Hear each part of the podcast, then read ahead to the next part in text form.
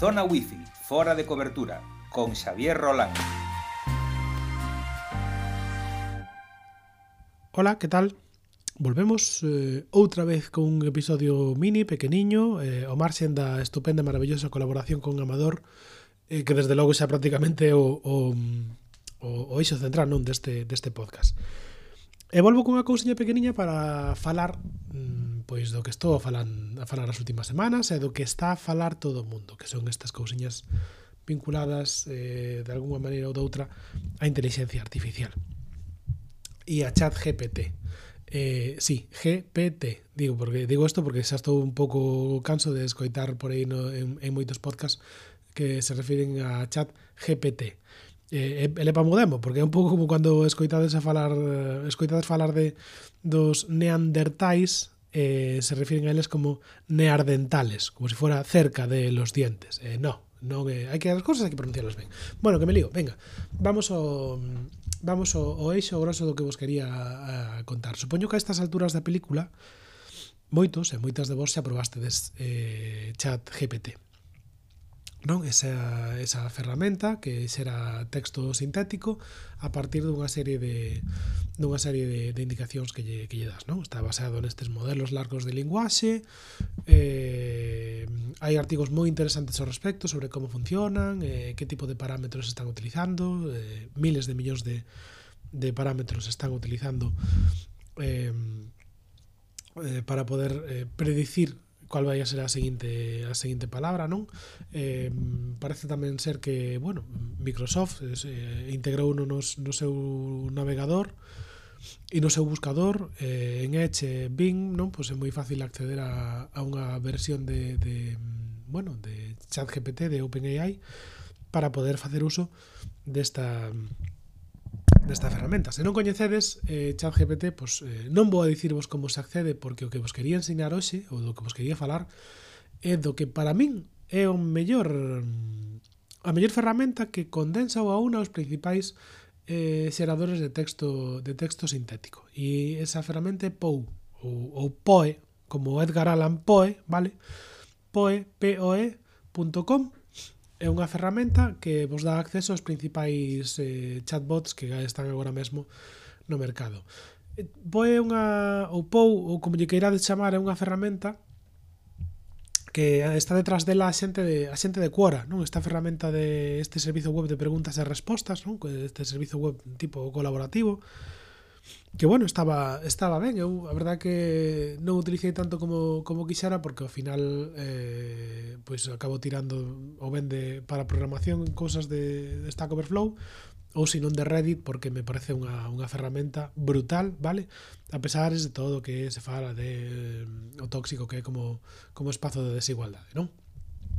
Ben, eh, nada, eh, volvendo ao tema de Pou, ou Poe, poe.com, que vos pedirá para registrarvos o vosso teléfono móvil, é certo, pero bueno, eh, eu eh, doullo e nunca me chegou ningún spam, nin, nin nada, mm, valorade vos se queredes dar o teléfono ou non Pero como ferramenta, que me gusta? Pois sobre todo que a pesar de que OpenAI, que é a empresa que está detrás de detrás de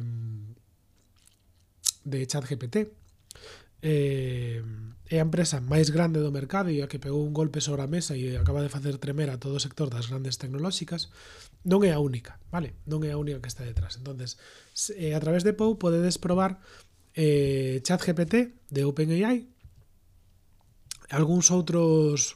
ale, algúns outros eh, chatbots, antes había un que se chamaba Firefly, que agora mesmo desapareceu, hai outro que se chama Sage, vale? Sage, que tamén está basado na mesma tecnoloxía de, de, de OpenAI co, co GPT 3.5 Turbo. E a maiores tamén vos vai a dar acceso moi limitado, sí, pero poderedes probar gratis chat GPT 4 Vale, entonces así podedes probar pues, a facerlle unha pregunta a ChatGPT e facerlle a mesma pregunta a ChatGPT 4 e que vos responda diferentes cousas. Non fixen demasiadas probas, vale, de comparar un con outro, pero sí que é certo que ChatGPT escribe mellor pero é, é un chapas, un chapas de cuidado, eh? o sea, menudas brasas, conta, se non lle decides que, por favor, que sea conciso na resposta, metemos unhas chapas, volve outra vez a recordar mismas cousas con outras palabras, pero é certo que escribe que escribe ben, non? E decía que prefiro utilizar ChatGPT a través de, de Pou porque a maiores, eh, a maiores de ChatGPT de OpenAI, esta ferramenta tamén dá acceso aos chatbots da principal competencia que ten agora mesmo OpenAI, que é unha empresa que se chama Anthropic. Vale, Anthropic é a empresa que, ta, que está detrás de, de outro chat GPT que se chama Claude ou Claude. Vale, e tamén vos vai a dar acceso á versión GPT-4 de Anthropic que se chama Cloud eh, Plus, vale, ou Cloud eh, Plus. Non vos sabría decir agora mesmo cual me gusta máis dos dous, vale? Porque dependendo para o que precisedes, se queredes unha escritura un pouco máis creativa, eh, seguramente Cloud funcionará un, un, un chisco mellor. Tampouco, en serio, tampouco fixen probas serias ao respecto de cual funciona un mellor que outro, pero sí que vexo un salto un salto de calidade, mm, non sei se si, si mediano ou grande, non moi grande, eso desde logo, pero non sei se si mediano ou grande, non é, non é nada grandísimo, Hai un salto de calidade desde, desde Claude a Claude Plus e desde ChatGPT a GPT-4. Eso é evidente. É certo que Poe non vos vai a deixar probar o modo multimodal de momento, pero eh, se vos sobran os cartos, e eh, se vos sobran os cartos tamén podes dar a mí un, un pouquiño, eh, Pou ten un sistema de suscripción. E neste sistema de suscripción que se xestiona a través da aplicación de, de iPhone, eh, costa, me parece que son 20 22 ou 23 dólares, agora mesmo non, non lembro. Pensade que de todo eso 30% se queda Apple dunha comisión, vale. Eh, pois o que vos dá é como unhas 300 eh, peticións mensuais a, a GPT-4 e 1000 peticións mensuais a Cloud Plus. Eh, para que vos fagades unha idea, eu levo non sei, unha semana ou 15 días con, con este asistente eh, con, pagando a versión premium eh, Estou alrededor das, das 60, 100 peticións agora mesmo, tanto para un como para como para outro. Vale, entón, eh, por que vos falo desta ferramenta? E por que me gusta tanto? Que é algo que xa comentei na, na newsletter, que, oh, sí, é certo, eh, as novas da zona wifi tamén teñen unha newsletter, vale, que podedes buscar en Substack. Gústame esta ferramenta, en primeiro lugar, porque é multiplataforma. Vale, podedes tela no móvil, eh, dispositivos iOS de momento, e podedes traballar con ela en versión web e incluso instalala no, a través de outros servizos de terceiros, instalala no vosso ordenador. Entonces, de entrada, eh, ides a poder traballar con ela en calquer dispositivo, o cual xa unha ventaxa moi grande, porque levas as conversas onde remataron a outro dispositivo, non tens que empezar de cero. Vale, entonces a mí eso xa me parece unha ventaxa competitiva bastante grande. Despois, que máis me que máis me gusta? Ten un botón para cancelar o contexto. Xa sabedes que este tipo de ferramentas artificiais de inteligencia artificial eh, xenerativas son como nenos recén nacidos. Non teñen ni idea de nada hasta que non empezas a interactuar con eles. Non? Entón, a medida que interactúas con eles, pois vais amoldando o que tú llevas pedindo. Se si non borras os contextos, sigue pensando pois, na conversación anterior. Tengo un, un botón para, para vaciar o contexto e empezar outra vez de cero. E non só que podes vaciar o contexto de cero, sino que además pues, ten como unha serie de categorías ou etiquetas que en realidad son como unha especie de, de peticións ou prompts predefinidos para comezar a falar, non? Pois entonces eh, para que non sexa tan difícil esa, ese folio en branco a hora de decirle, por favor, pregúntame algo, non? Pois pregúntame algo sobre eh, como escribir ou sobre cociña ou sobre eh, poesía ou sobre viaxe e despois empezaredes a trastear e preguntarlle cousas e preguntaredes que vos explica teoría de cordas e como non entenderedes, pois pediríades que, me, que explica teoría de cordas para nenos de 5 anos e despois incluso lle podedes pedir que explica teoría de cordas para nenos de 5 anos en rima asonante. E faino, vale.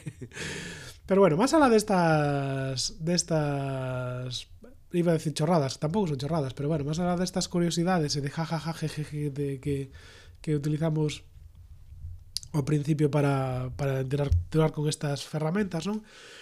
Eu sei que lle estou atopando moito uso e estou no levando obviamente o, o campo docente o campo da investigación, porque ten unhas potencialidades moi grandes para forrar moitas moitas tarefas eh, repetitivas, por exemplo, non? Eh, unha tarea que aborrezo, aborrezo eh, ad infinitum, eh, no oído académico, é ter que formatear a bibliografía para un determinado artigo ou capítulo ou que sexa, non? Entonces, se lle dices, mira, ponme esta referencia en formato APA, pois automáticamente colle, ponche en formato APA con apelido, coma, inicial de nombre, ano entre paréntesis, punto, entre comillas o título do, do artigo, en cursiva a revista, eh, volumen número, eh, números de páxinas e xa está. Eh, e iso faino, claro, en segundos, con lo cual a mí me parece unha ferramenta estupenda. Non? Eh, eso, entonces, o de, o de o dos contextos, o de vaciar os contextos, o de que vos axude con certas eh, cousiñas eh, que lle queira despedir ou de poder leválo multiplataforma. Esa versión premium da que vos falaba, que vos permite probar as funcionalidades avanzadas dos novos asistentes que están agora mesmo implementando eh, no mercado. E creo que creo que creo que xa está, vale? Creo que con isto xa vos eh, montei unha chapa bastante importante sobre como funcionan estas eh, este este POE para que para que provedes e trastedes un boquiño. Sí que é certo que hai outras ferramentas eh, que, que tamén permiten e trastear con ChatGPT ou con outro tipo de xeradores de textos eh, sintético, pero bueno, a min esta me parece moi completa, eh, moi versátil, que podes eh, levar contigo en calquera tipo de de trebello en calquera momento e, eh, eh, pues, pues mirade, para que vos fagades unha idea hai unhas semanas estuve en Coruña nunha, nunha formación non con, con xente de outras universidades e despois era un, había unha presentación na que había un, un abstract dun paper e a mí me daba unha pereza terrible ter que ter que lelo, non? Entonces, pois o que fixen foi facerlle unha foto desde o móvil, desde o móvil utilizando as técnicas OCR de recoñecemento de caracteres, copiei o texto da diapositiva, o texto peguei no, nunha destas ferramentas de, de xeración de texto sintético e dixenlle, por favor, tradúcemo a galego. Vale. E francamente, para rematar, eh, hablemos de lo gallego, porque estes, estas ferramentas eh, non o fan nada mal non o fan nada, nada mal. Vale, escriben mellor que a nós e non traducen mm, nada mal. Cometen erros, é certo, vale? Eh, non vou a ser aquí unha persona que sexa defensora a muerte deste tipo de tecnoloxía, senón que cometen erros e non van a substituir os humanos, nem moito menos, son perfectos asistentes, volvo a repetilo, asistentes.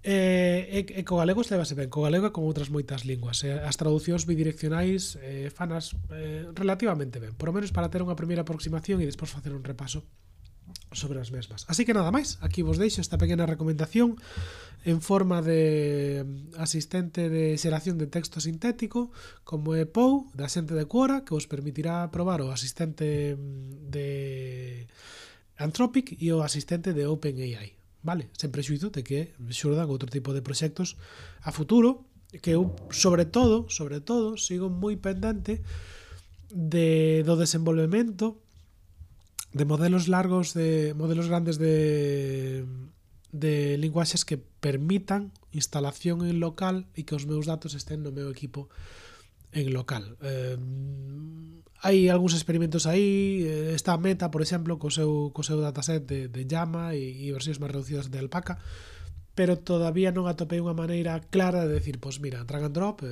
arrastrar e soltar ou, ou catro clics para instalar e xa está, porque eso é o que eu demando. Vale, o que eu demando é unha democratización plena da tecnoloxía e que calquera, calquera pailán como a min, que non teña nin idea de programación, pois sexa capaz de instalar e de probar este tipo de ferramentas. Nada máis, agardo que vos resultara interesante, nas notas do episodio deixaremos tamén acceso a este POU, e escoitámonos. Chao, chao!